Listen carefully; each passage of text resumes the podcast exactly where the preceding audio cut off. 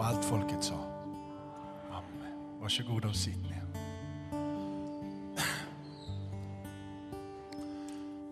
Strålande att få vara i Citykyrkan.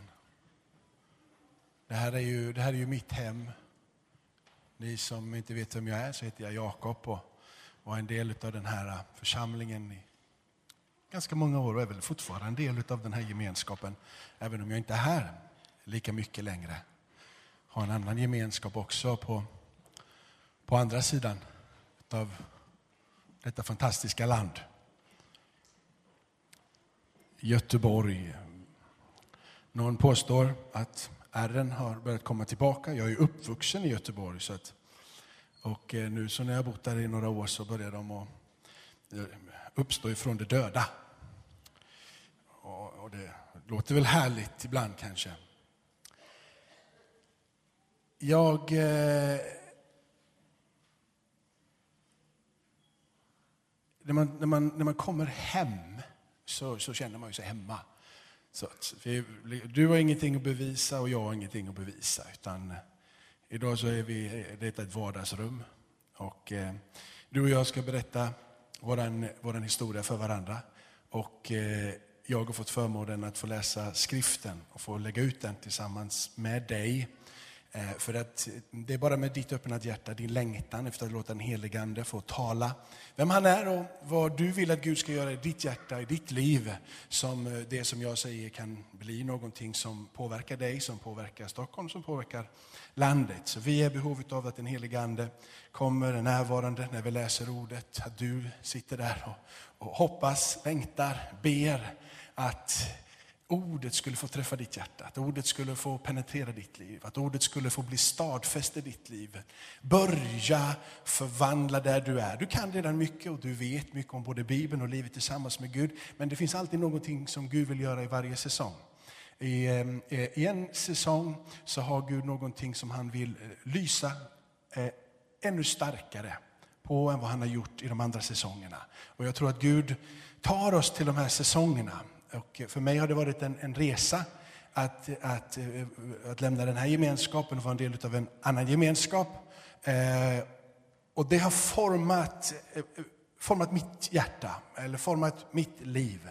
Fått bli andra saker som har fått bli prioritet i mitt liv. Andra saker som har fått bli viktiga. Som, som, som jag, när man har varit i den säsongen som jag var innan och i den här gemenskapen, kanske ibland inte tänkte så mycket på. Eh, för att man, tänk, man, man trivs bäst i sitt eget vardagsrum på något sätt. Det är där man bor, det är där man lever. Så kommer man till ett annat vardagsrum hemma hos någon annan så är det andra tavlor. Men liksom det är ändå samma sak. Det är en soffa där, det är tavlor, det har en TV och liksom det ser hyfsat likadant ut. Men det finns oftast någon annan atmosfär i det hemmet. Och ibland kan det vara bra att stiga utanför. Man vet var man hör hemma, man vet vem man är, man vet var man är på väg. Men när man kommer till en annan så börjar nya processer hända. Och det är bara när man är närvarande i det som det kan hända. Och eh, jag, jag skulle vilja börja innan jag läser ett ord, att berätta om en tupp. Och eh, den här tuppen, han, eh, eh han, han, han, eh, alltså tuppar, de galer, de kuckelikuva.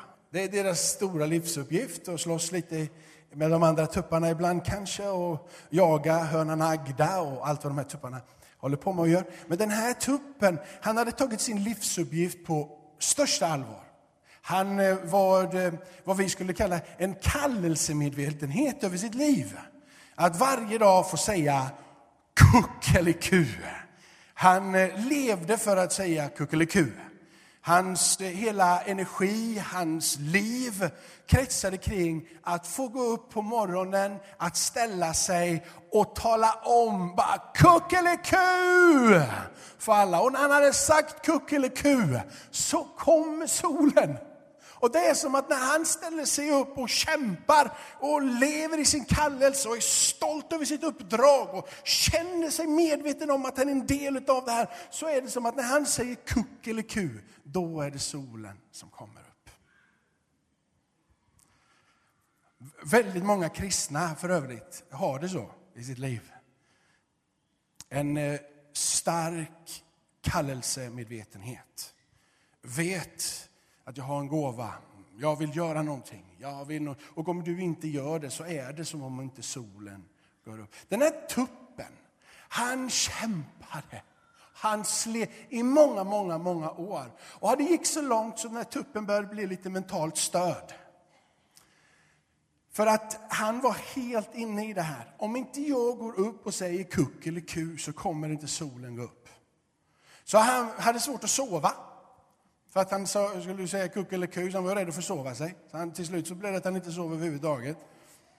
Och till slut så blev det liksom att han glömde av det här med att äta, för han var så trött så han glömde liksom av maten. Och, och till slut så var han så trött så in i varje relation som, som han hade med de andra liksom hönorna och tupparna och alla som tog hand om honom, så var han bara en vresig tupp. Så de, de, han kollapsade en dag, tröttnade fullständigt på att vara tupp, tröttnade på sitt uppdrag.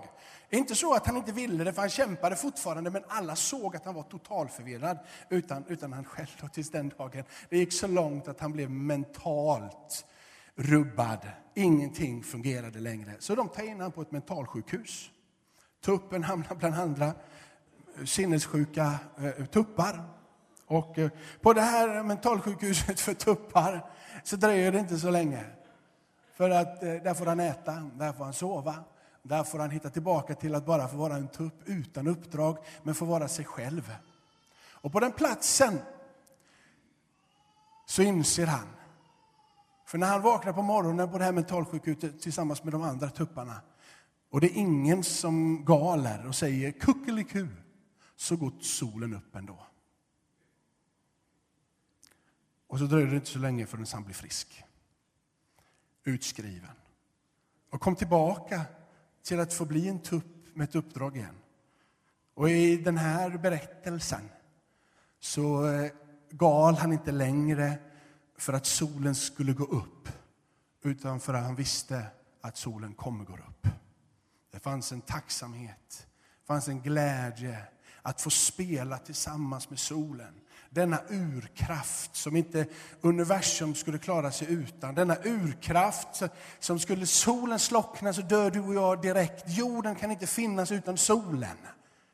Och när han insåg att han fick spela med solen, att det inte berodde på hur han spelade utan hur följsam han var med solen, så mådde han bra igen. Jag vill läsa ett bibelord. Första Johannes brev. Jag vet inte om ni får upp det här, annars så hoppas jag att du har din bibel med dig, annars så får du nöja dig med att höra min ljuva stämma.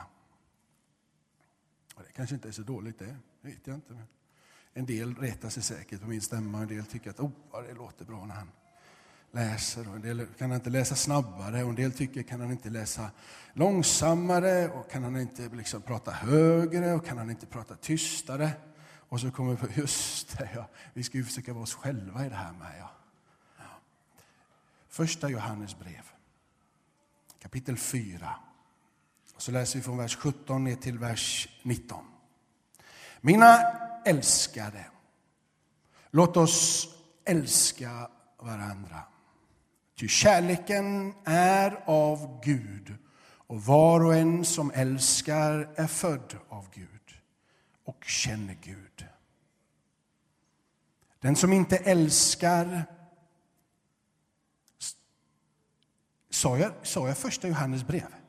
Ja, jag sa rätt. Det kändes som att jag ibland säger Johannes evangeliet. Jag kanske sa Johannes evangeliet här. Men det sa jag inte då. Då var jag inte så förvirrad som jag trodde. Vers 8 läser vi ifrån då. Den som inte älskar har inte lärt känna Gud. Ty Gud är kärlek. Så uppenbarades Guds kärlek till oss. Han sände sin enfödde son till världen för att vi skulle leva genom honom. Kärleken den består inte i att vi har älskat Gud, utan att han har älskat oss och sänt sin son till försoning för våra synder. Mina älskade, om Gud älskar oss så högt är också vi skyldiga att älska varandra. Ingen har någonsin sett Gud. Om vi älskar varandra förblir Gud i oss och hans kärlek har nått sitt mål i oss.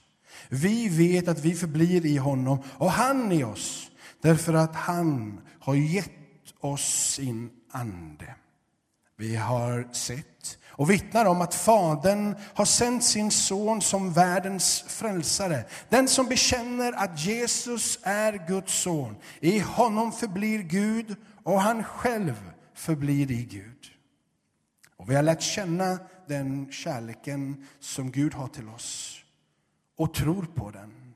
Gud är kärlek och den som förblir i kärleken förblir i Gud och Gud förblir i honom. I detta har kärleken nått sitt mål i oss. Att vi är frimodiga på domens dag, ty sådan han är, sådan är också vi i den här världen. Rädslan finns inte i kärleken, utan den fullkomliga kärleken driver ut rädslan. Rädslan hör ju samman med straff. Och den som är rädd är inte fullkomnad i kärleken. Vi älskar därför att han först har älskat oss. Så lyder Guds ord. Låt oss be. Jag tackar dig Fader i himmelen för ditt ord, ditt levande ord, givet till oss. Och vi är i behov den här stunden av din heliga Andes närvaro för att förstå vad det är ditt ord säger.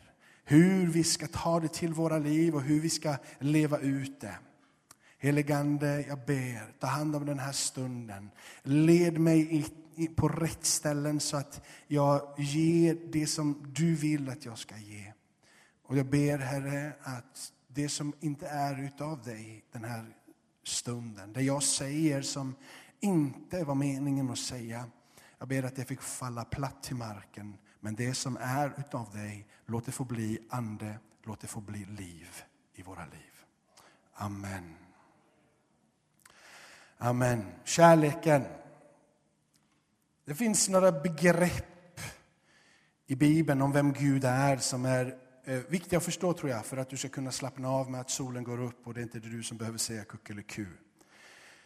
Första Timoteus både kapitel 1 och kapitel 6 så är det ord som kommer tillbaka som den osynlige. Och jag har fokuserat på fyra stycken ord innan jag vill gå in och prata om kärlek som förvandlar och kärlek som bryter ner. För det finns en kärlek som är formad i den här världen som faktiskt mycket liknar Guds kärlek men inte är Guds kärlek. Den kärleken som finns i den här världen sätter nämligen villkor. Den kärleken som finns i den här världen älskar inte alla så som Gud älskar alla. Och eh, jag tror man behöver hitta en definition på det. Jag tror man behöver hitta vad är det som skiljer. Och det första för att komma in och för att fånga, så här. Jag är uppvuxen med att jag faktiskt lärde känna Jesus innan jag lärde känna Gud.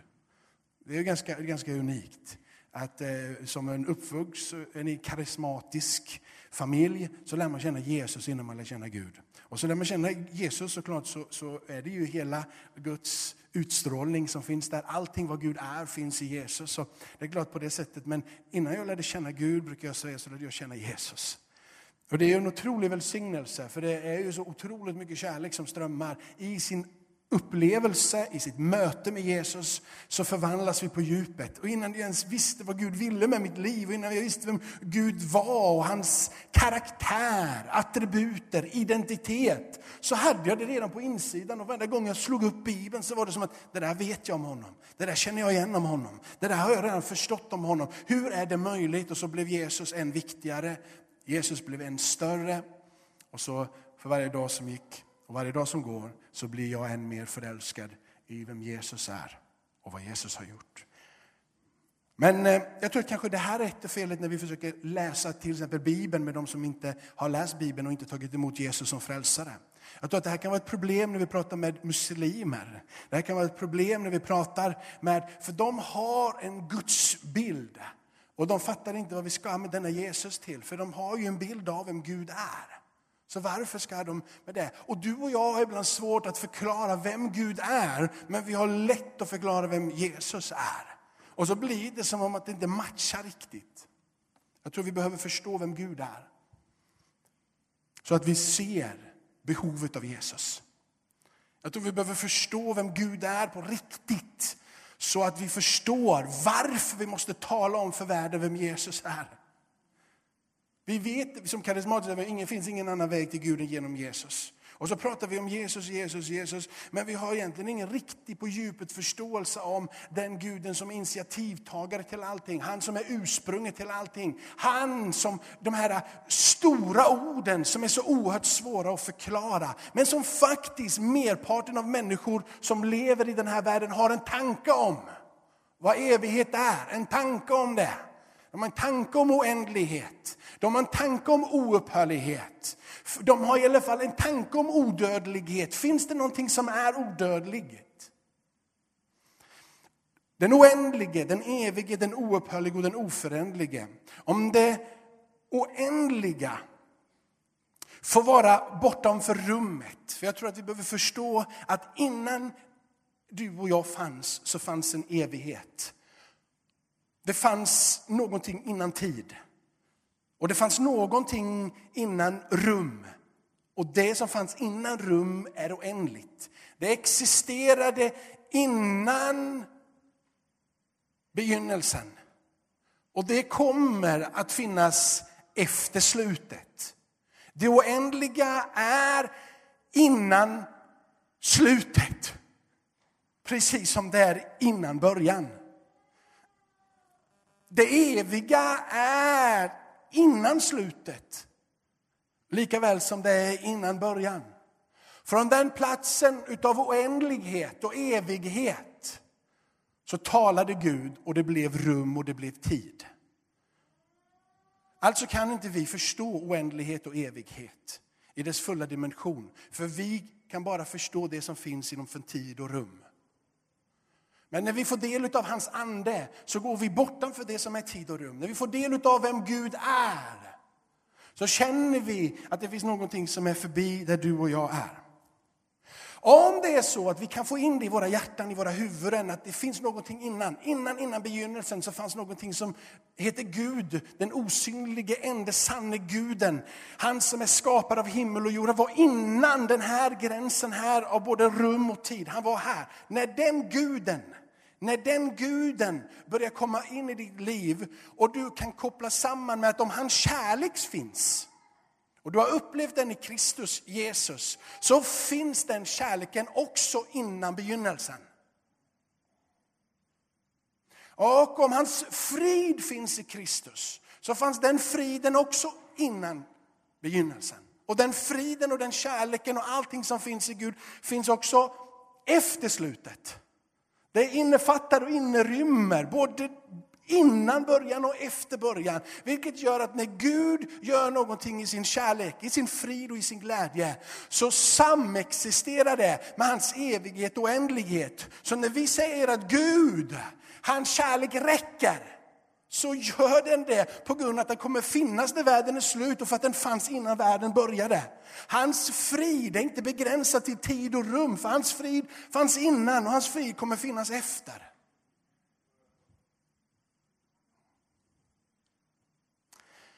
Så när vi lite klatschigt säger att Gud är kärlek, så är det samma ord som du använder. Jag, jag, jag älskar fotboll, säger jag ibland. Det gör jag inte egentligen. För jag älskar Helena, min fru. Och när jag, samma gång som jag säger att jag älskar fotboll och jag älskar Helena, min fru, så blir det ju en kollision här. Kan jag inte, säga, kan jag inte använda samma ord egentligen för min fru som jag gör för fotboll? Det, nej, det går ju inte. Men du och jag gör det ständigt om och om igen. Med olika saker. Vilket gör att när vi säger jag älskar fotboll, jag älskar min fru och så älskar jag Jesus. Så blir det klantigt. Vi har, och det har jag sagt många gånger här genom åren, att varje ord är som en container. Och den bär någonting. Antingen är det en cykelcontainer för att du har lagt cyklar i den. Eller så är det en blomcontainer för du har lagt blommor i den.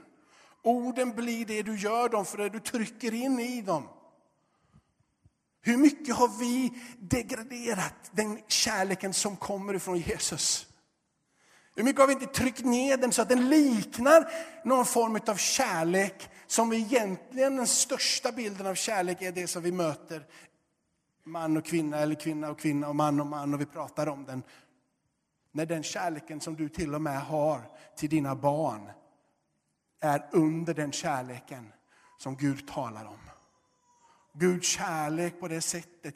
Din kärlek är begränsad till tid och rum, men Gud han säger att jag älskar dig med en evig kärlek. Jag älskar dig bortanför allting. Jag älskar dig från början till slutet och in, till och med innan det.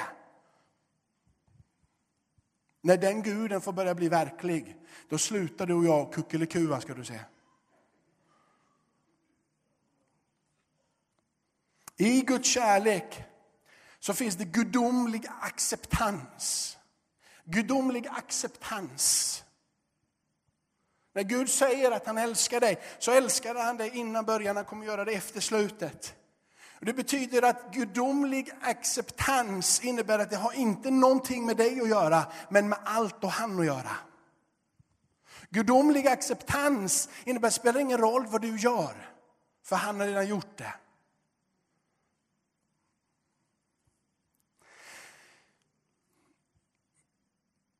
Jag har en man som blev frälst här i, för några månader sedan, som finns runt omkring oss. Ehm, en man som är ehm, snart 50. Och eh, han har, ett, eh, han har, han har liksom inte varit missbrukare och liksom, liksom, han har kunnat ta hand om sig själv, men han har ett ganska stökigt liv. Många brustna relationer, mycket, mycket ute i, i, på, på liksom levt i nattklubbsvärlden i så många år och egentligen gjorde det fortfarande. Allt ifrån liksom dörrvakt till att liksom inte ha ordning på, på, på så mycket. Och han kommer och han får, han får en kopp kaffe eh, när vi står ute på gatan, på Linnégatan. Och eh, med den här kopp kaffen i handen så, eh, så, så säger vi vi ska ha soppa här uppe, kom upp och ät soppa med oss. Han kommer upp och äter soppa med oss. Och eh, sen lite senare så blir han frälst. Och sen efter det så döper han sig. Och när man pratar med honom så har jag försökt att aldrig fråga honom en enda ord om det som är förr. Inte en enda fråga om var han kommer ifrån. Inte en enda fråga om vad han har gjort. Inte en enda fråga om, inte, inte en enda sak. Utan jag tänkte att jag ska försöka att hålla, jag är ju intresserad av vem man är, så egentligen så borde det nog jag bara tänkte att jag ska inte göra det. Jag ska agera som om det var hans förra liv. Och ge honom en möjlighet att fullständigt börja om. Inte behöva dra in någonting, bara börja om. Börja om, börja om, börja om, börja om. Den här, den här mannen kom till mig för jag tror det är tre veckor, nej, fyra veckor sedan är det nu och sa du, Eh, mitt liv är fullständigt förvandlat här. Och du vet, han pratar så här, boba, sådär va. Och du liksom, han, det, ja, du vet, så bara, bara livet bara, och du vet sådär va. Och han är 50, så att han har ju valt ett språk som, som, som, som, inte, som passar ju inte liksom egentligen. Men, eh, men han är fantastisk på alla sätt. Och i det här så, så kommer alltså han säga, du, du, nej, jag skulle vilja praktisera, var det som det första som hände. Jag vill praktisera hos er. Okej, så sa jag, du, tyvärr, vi har inga pengar att ge dig. Och eh, om, eh, om du kan göra det genom Arbetsförmedlingen så kan vi inte ens betala till Arbetsförmedlingen. Liksom man kan ju få, någon kommer få 20, man betalar 20 procent eller 10 procent. Så vi har inga pengar till, till det. Eh, men, men om de betalar allt och du vill vara här och praktisera så är det helt okej. Okay. Så han tog tag i det och, löst, och löste det. Och så kom han och så sa han så här, jag har det här, jag vill, jag vill, jag vill, eh, eh jag vill praktisera, jag har löst det här. Och jag sa, fantastiskt, du ska få börja praktisera här. Och så började han, inte förra måndagen utan måndagen innan. Så imorgon är det två veckor. Veckan innan han började så hade jag haft en predikan om förlåtelse. Eh, och jag, jag, han kom efter och sa, nu fattar jag vem du är. Så nu fattar jag hur du funkar, nu fattar jag. Jag har inte förstått det. För när man förlåter och när Gud förlåter så är det som om det aldrig har hänt. Ja. Istället för att vi introducerar varenda biblisk sanning Istället för att vi talar om varenda biblisk sanning. Tänk vad vi skulle börja leva ut varje biblisk sanning. Att inte vara så snabba med att tala om vad som är rätt och riktigt och vad som är sant och värdigt. Utan låta varje person få bli din och min medföljare. De följer med oss. Vi lägger inga ok på. Vi till och med kanske inte ens undervisar dem. Utan de får andas in ditt och mitt liv och se om du och jag faktiskt tror att den heliga Ande är verksam inte bara i ditt liv, utan också i de du möters liv. Så den här personen, han, han liksom har fått ett, ett liv. Han börjar måndagen, så är det så här att vi sitter Eh, samma vecka som, som han så sitter jag och Andrew, för Andrew som var här jobbar ju i Linnéakyrkan. Så vi behöver, vi behöver ha in några andra som predikar. Vi har predikat så mycket så att vi liksom, det är bara det är predika ut genom öronen och fram och tillbaka. Du är bara, bara trött på att höra och se sig själv i spegeln och sådär. Och i det så ringde han, ringde en kompis. Så ringde han en kompis och, som är pastor i en annan kyrka. Och så kom den här pastorn i torsdags till Linnéakyrkan och predikade. Han har med sig sin fru och eh, de har med sig sina två barn. En sexåring och en ettåring. Och eh, de kommer in i kyrkan och de har med sig, då är det, så, det finns en gigantisk lång trappa som, som leder upp till kyrkan. Den är, det, vi säger att det är 40 steg, kanske är 60 steg, det är hur långt som helst. Snart så är det klart med en hiss, så finns det en hiss här, men det finns inte det än. Så kommer man med barnvagn så måste man ha hjälp. Och då så säger, då så säger Andrew till Kevin, kan inte du springa ner och hjälpa den här familjen upp? med den här, med den här barnvagnen. Kevin springer ner och ska hjälpa den här kvinnan Eh, med barnvagnen upp. Och det sitter en ettåring i här. Och då säger Kevin, jag har en ettåring till den här kvinnan. Ja, vad roligt. Kan inte du ta fram en bild, säger kvinnan till Kevin. Han tar fram sin telefon och visar en bild. Och då säger den här kvinnan, är inte det där, nu kommer inte jag ihåg vad han är det där är Markus? Kevin rycker till. Vad, vad, vad, vet du vem det är? Ja, jag vet vem det är. Mamman till den, till den lilla pojken där träffade jag för ungefär fyra månader sedan på den, den andra staden. Och där har hon blivit frälst. Här borta är Kevin. Kevin säger så här, jag vill att ni ber för min familj.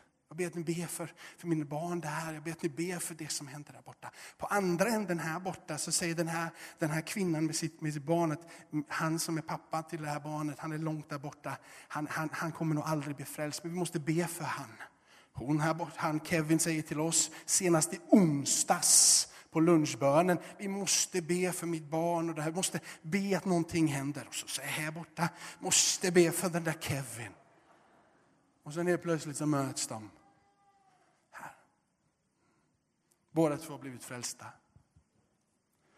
Det är en solskenshistoria, jag vet. Det funkar inte alltid så, överallt och jämt och ständigt. Men att det finns och att det fungerar en gång. Det spelar ingen roll vad du säger, det var en tillfällighet, det var en slump. Och du, du, du får hitta på vilka ord du vill i detta. För oss som har varit nära detta, sett detta, det finns inte en rim och reson att det skulle vara en slump. Jag tror att det är så med Guds kärlek, att Guds kärlek går förbi allting som du och jag kan tänka. Guds kärlek agerar bara det finns någon som har ett villigt hjärta någonstans och ett öppet sinne någonstans. Och då behöver Gud dig och mig. Den kvinnan där borta som blev, frälst, som blev frälst med hon som hade lilla barnet Markus. Där var det den personen som Kevin kom ner och hjälpte upp, den här kvinnan med sitt, med sitt eget barn där. Hon hade varit ute och gått i den här staden, träffat den här kvinnan, lärt känna den här kvinnan, brytt sig om den här kvinnan och fått be med henne till frälsning. Här borta var det några andra som gjorde samma sak med Kevin. Vad är du och jag i det här? Vad är du och jag i det här? Det var inte så många stora ord över Kevin. Vet du. Var, han fick komma som han ville och röra sig som han ville. Men Gud förvandlade hans liv. I det här så finns det en kärlek som är ovillkorlig. Den ovillkorliga kärleken den är bortanför allting överhuvudtaget du kan tänka. Så fort du tänker att det finns någon begränsning på kärleken, att du måste, så har du gått över gränsen. Guds kärlek är ovillkorlig. Den är, kärleken är så, den, är så, den är så stor, så bra, så fantastisk så att eh, det låter som att det inte ens kan vara sant. Så när du säger till dig själv, när du pratar om Guds kärlek, så det finns ingen möjlighet att det är på det sättet, då har du hittat den kärleken. Så när du säger, men han kan ju inte älska mig för det här, då har du inte hittat den än. Men det, är orimligt att det är på det här sättet. Det finns ingen möjlighet att han hela tiden ständigt kan bara komma tillbaka och plocka upp mig. Hela tiden. Det finns en chans. Det kan inte vara så. Det måste finnas något ansvar på dig och mig. Då är du inte där än. Men när du säger att det kan inte vara på det sättet, att den kärleken är så stor. Det kan inte, det kan inte, det kan inte, det kan inte, det kan inte, det kan inte. Och inte en enda gång pratar om dig själv. Då har du hittat den. Är du med? När du blandar in dig i samma ord som Guds kärlek så har du redan begränsat den. Guds kärlek är förbi allting vad du kan tänka. För att Gud är evig och Gud är oändlig. Den villkorliga kärleken som du och jag lever i, praktiserar dagligen, så vi måste börja förändra oss i, det är egentligen så här. Simon, om du älskar mig så älskar jag dig. Vi orkar inte älska för att det kräver så mycket. Vi orkar inte ta hand om inte jag får någon liten respons någonstans så orkar jag inte gå den vägen. Det är en mänsklig kärlek, det är en klen kärlek, det är en kärlek som inte fungerar och det är absolut inte Guds kärlek. Den starka kärleken den är universell, den starka kärleken älskar alla. Den svaga mänskliga kärleken den älskar bara likasinnade.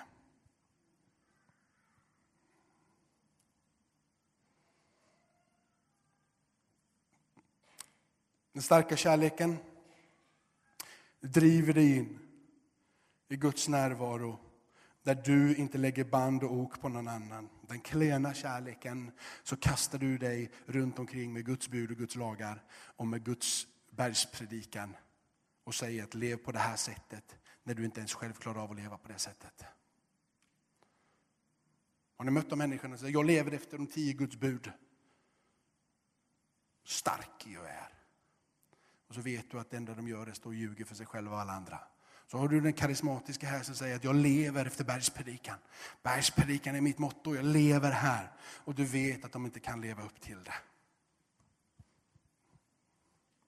Det är den klena kärleken som introducerar någonting annat än sitt eget liv och sin egen kärlek. Kärleken är ett verb. Du gör en handling och människor blir förvandlade för att just du älskar.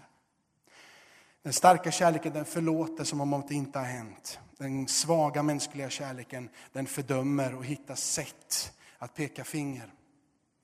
Jag tror att ni har förstått min poäng. Låt mig illustrera mina poänger med en berättelse. Min rubrik på den här predikan är att älska det som ingen annan älskar. Eller älska det som är sönder. Och att det är vackert att älska det. Det var så här att det var en liten delfin. Det är många tuppar och delfiner i mina predikan. Man skulle nästan kunna tro att jag är jordbrukare. Nej, det är jag inte. Men i vilket fall som helst så är det den här delfinen. Och den här delfinen, den eh, blir faktiskt uppdriven eh, utav både vatten och vind och allt vad det nu är på en strand med ett nät sittande i sin fena. Och den är så skadad, den här delfinen, så det finns ingenting annat att göra än att amputera bort fenan. Nu har du en delfin som inte kan simma. En delfin som inte kan röra sig. Men i detta så är det en liten pojk som har gått och sett detta. Och den här lilla pojken är det som har samlat alla de här människorna som har hjälpt den här delfinen och att amputerat bort den här, den här, den här stjärten. Och tror ni eller ej, men den här lilla pojken älskar den här sargade delfinen mer än någonting annat. Som tur är för den här pojken så har han en klasskompis i sin skola, de är tio år. Och den andra tioåriga var en liten flicka och det är hennes pappa som äger det delfinariumet där de har massor med delfiner. Och de får hjärta för det här med så det är de som hjälper till. Och de tar den här delfinen in i en lite mindre bassäng, inte det stora havet, utan en mindre bassäng med sele och grejer, för den kan du inte simma för det, det, det, det finns ju inte någon styrsel överhuvudtaget kvar. Så de sa en sele lägger den här i vattnet och den är i det här vattnet och får vara i vattnet med den här selen. Och till den här lilla pojken som älskar den här delfinen mer än alla andra bara säger kostnader, de säger att det är problem, de säger att det är strul, de säger att det är för mycket energi, det kommer ta all vår kraft. Den här lilla pojken säger det måste finnas ett sätt! Få den här delfinen att simma igen. Det måste finnas ett sätt. Alla andra får döma ut det, men det måste finnas ett sätt. Kärlek, omsorg, träning. Han bara öser. Vi måste försöka, vi måste försöka. Och han lyckas trumma in det här att vi måste försöka.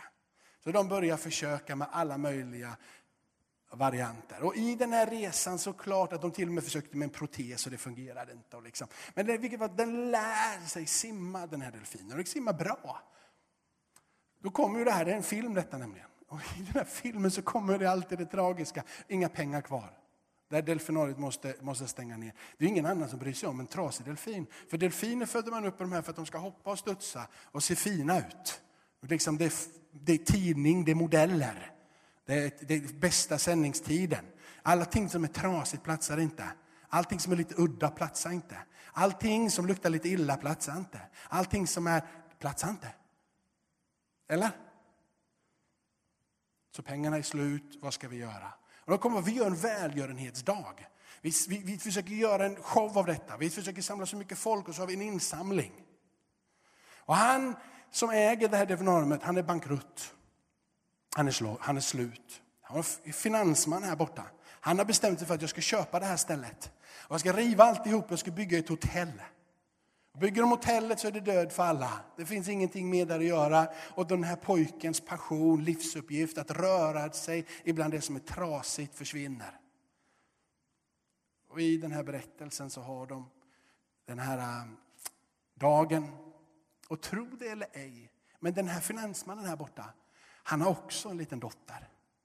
Och den här finansmannen här borta som ska riva det här stället och bygga ett hotell, hans dotter går ju i samma klass som de andra två som är engagerade i det här. Så han drar ju, eller hon drar ju med sig sin pappa på den här showen. Och så får han vara med i den här showen. Se hur den trasiga delfinen simmar med de hela delfinerna. Se passionen hos pojken, se passionen hos den här. Den rika finansmannen säger delfinariet får vara kvar så länge som den här pojken engagerar sig i delfinen så står han för kostnaderna. Så länge du engagerar dig för människor, inte för någonting annat, så kommer det finnas en outtömlig eh, mått utav styrka, kraft och energi från himmelen över ditt liv. Guds nåd kommer att styrka och hjälpa dig. Du kommer vara behov av att sova, men du kommer aldrig bli en tupp. För du förstår också vem Gud är. Och han klarar sig utan dig, ser du. Är du med? Du, du, klart du ska göra något. Du ska inte sitta hemma och titta på solen bara ska gå upp. Du ska engagera dig, men engagera dig i det som är trasigt, för det som är trasigt, det är vackert. En annan berättelse innan vi sen ska gå mot avsluten här, så ska vi gå in i nattvarden. Jag har berättat den här innan tror jag här, men jag tycker den är så fantastisk så att jag, jag tar den in. Nu är, det, nu är det en sjöstjärna. Ja. Man skulle nästan kunna tro att det här skulle kunna bli en bilderbok. Nej, det är ytterligare en strand. Det är många stränder. Jag vet att du gillar det, Amanda. Men på den här stranden så, så åker det upp sjöstjärnor. Det bara kommer i våg efter våg efter våg. Och det är en liten flicka som kommer dit och flickan gråter. Hon ser alla sjöstjärnor komma upp och hon inser att bara de ligger i sanden för länge så kommer de att torka. Kommer inte finnas där mer. Så hon tar en sjöstjärna och kastar i och varenda sjöstjärna utkastar i så hon ledsen. Och så håller hon på, svetten rinner och hon gråter för att det är både tragiskt och härligt. De dör där men de blir räddade där. Hon är liksom exalterad men samtidigt en dödssorg på insidan. Ungefär så som att hela världen håller på att gå under och du och jag sitter här och njuter. Lite av, det pågår samtidigt. Den här glädjen men också den inre sorgen. Vill jag göra mer? Vill jag kämpa? Men måste kunna glädja sig i det som händer just nu också. Hon gråter. Då kommer det de här irriterande småpojkarna som kan finnas ibland. Och det kommer en sån där jobbig människa. Tittar. Oftast brukar det vara en liten äldre gubbe som har lite för lite hår här uppe eller någonting sånt där. Tittar på de här och så liksom säger, men du lilla flicka, vet att det, imorgon är det samma sak igen. Imorgon så kommer de, men det är helt meningslöst. Gråt inte. Gråt inte. Det är meningslöst. Hon, vet du, i sin, hon bara tog upp en till och bara tittade på honom och bara kastade i den. Nu, för den sjöstjärnan gjorde det skillnad. Allting vi gör, gör skillnad. Det är dropparna som bildar haven. Och det är snöflingan som gör de stora snömassorna. Nästa dag så är det samma sak igen. Sjöstjärnorna kommer in, det är bara våg på våg på våg. Och då är det en annan flicka som är på stranden. Hon har med sig sin mobiltelefon. Och hon får en snilleblick. Jag tar kort på det här. Lägger det på Instagram, Facebook, twittrar, tjolahopp, tjolahej och allting vad det heter. Och i samma ögon som gör det så bara kompisarna strömmar ner. De har med sig farmor, farfar, mormor, morfar. Det är värsta kalaset på gång på stranden. För nu är det Rädda Sjöstjärnedagen här. Du vet, du har kanelbullens dag och du har alla dagar. Nu är det sjöstjärnedagen. De tar en sjöstjärna och alla kastar och alla jublar och de är glada tills den jobbiga gubben kommer igen. Han som inte har hår och är gråhårig och tittar på. Det är ju samma sak imorgon igen. Samma sak imorgon igen. Då är det en liten pojk som hör det här borta.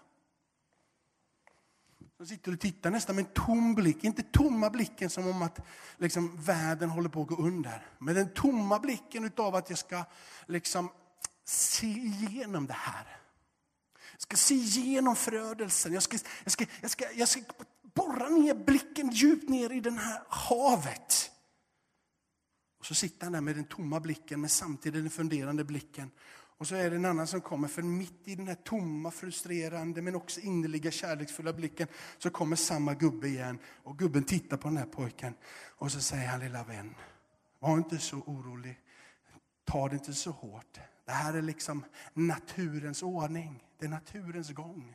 Det här kommer ske imorgon igen, ha inte den. Och pojken tittar upp och tittar ner och tittar upp och tittar ner och så bestämmer han sig att han ska säga det som han inte egentligen vågar säga. Han bara, det måste finnas ett stopp på det här. Det måste finnas en stopp på den här ondskan.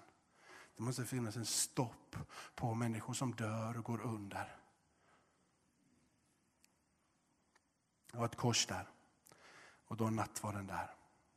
Svaret på den pojkens fråga, det måste finnas ett stopp, stavas J-E-S-U-S hans död och hans uppståndelse.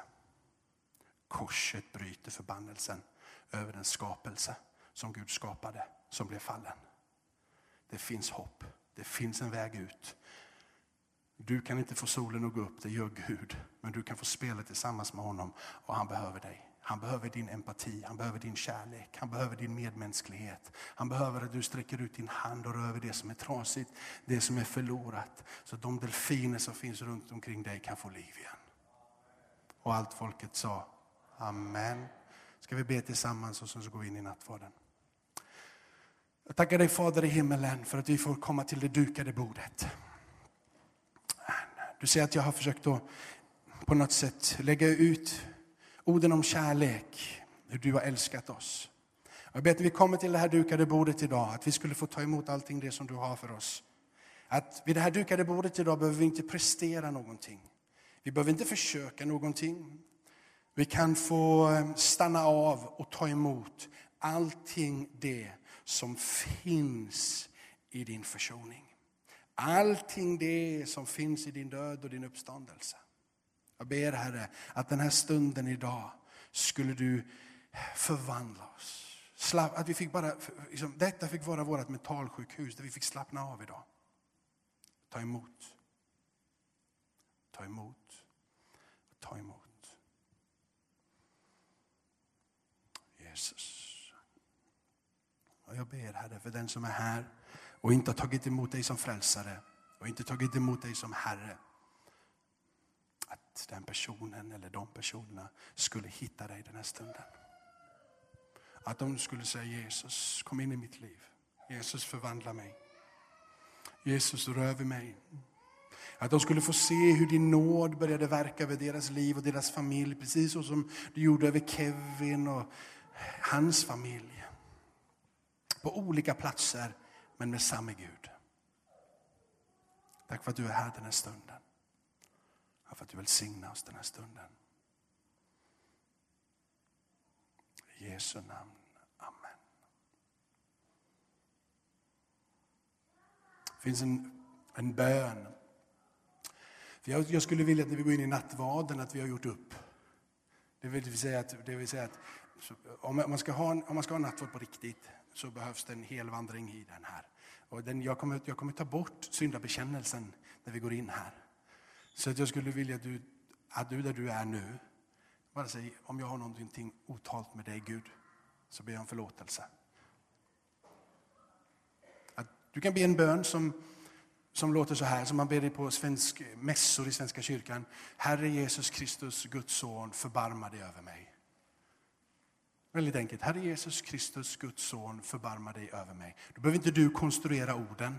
Och om du har någonting som står dig emellan och Gud, så har du tagit emot hans förbarmande och du har tagit emot hans nåd. Herre Jesus Kristus, Guds son, förbarma dig över mig. Herre Jesus Kristus, Guds son, förbarma dig över mig. Herre Jesus Kristus, Guds son, förbarma dig över mig. Amen. Jag är så barnslig också så jag tror att även om vi inte alltid kanske menar varje ord, men när vi säger det så vänder Gud sitt ansikte mot oss.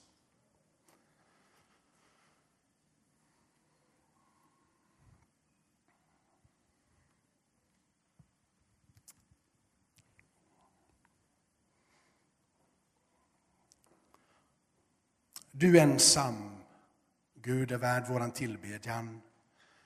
Allsmäktig Fader, helig Gud.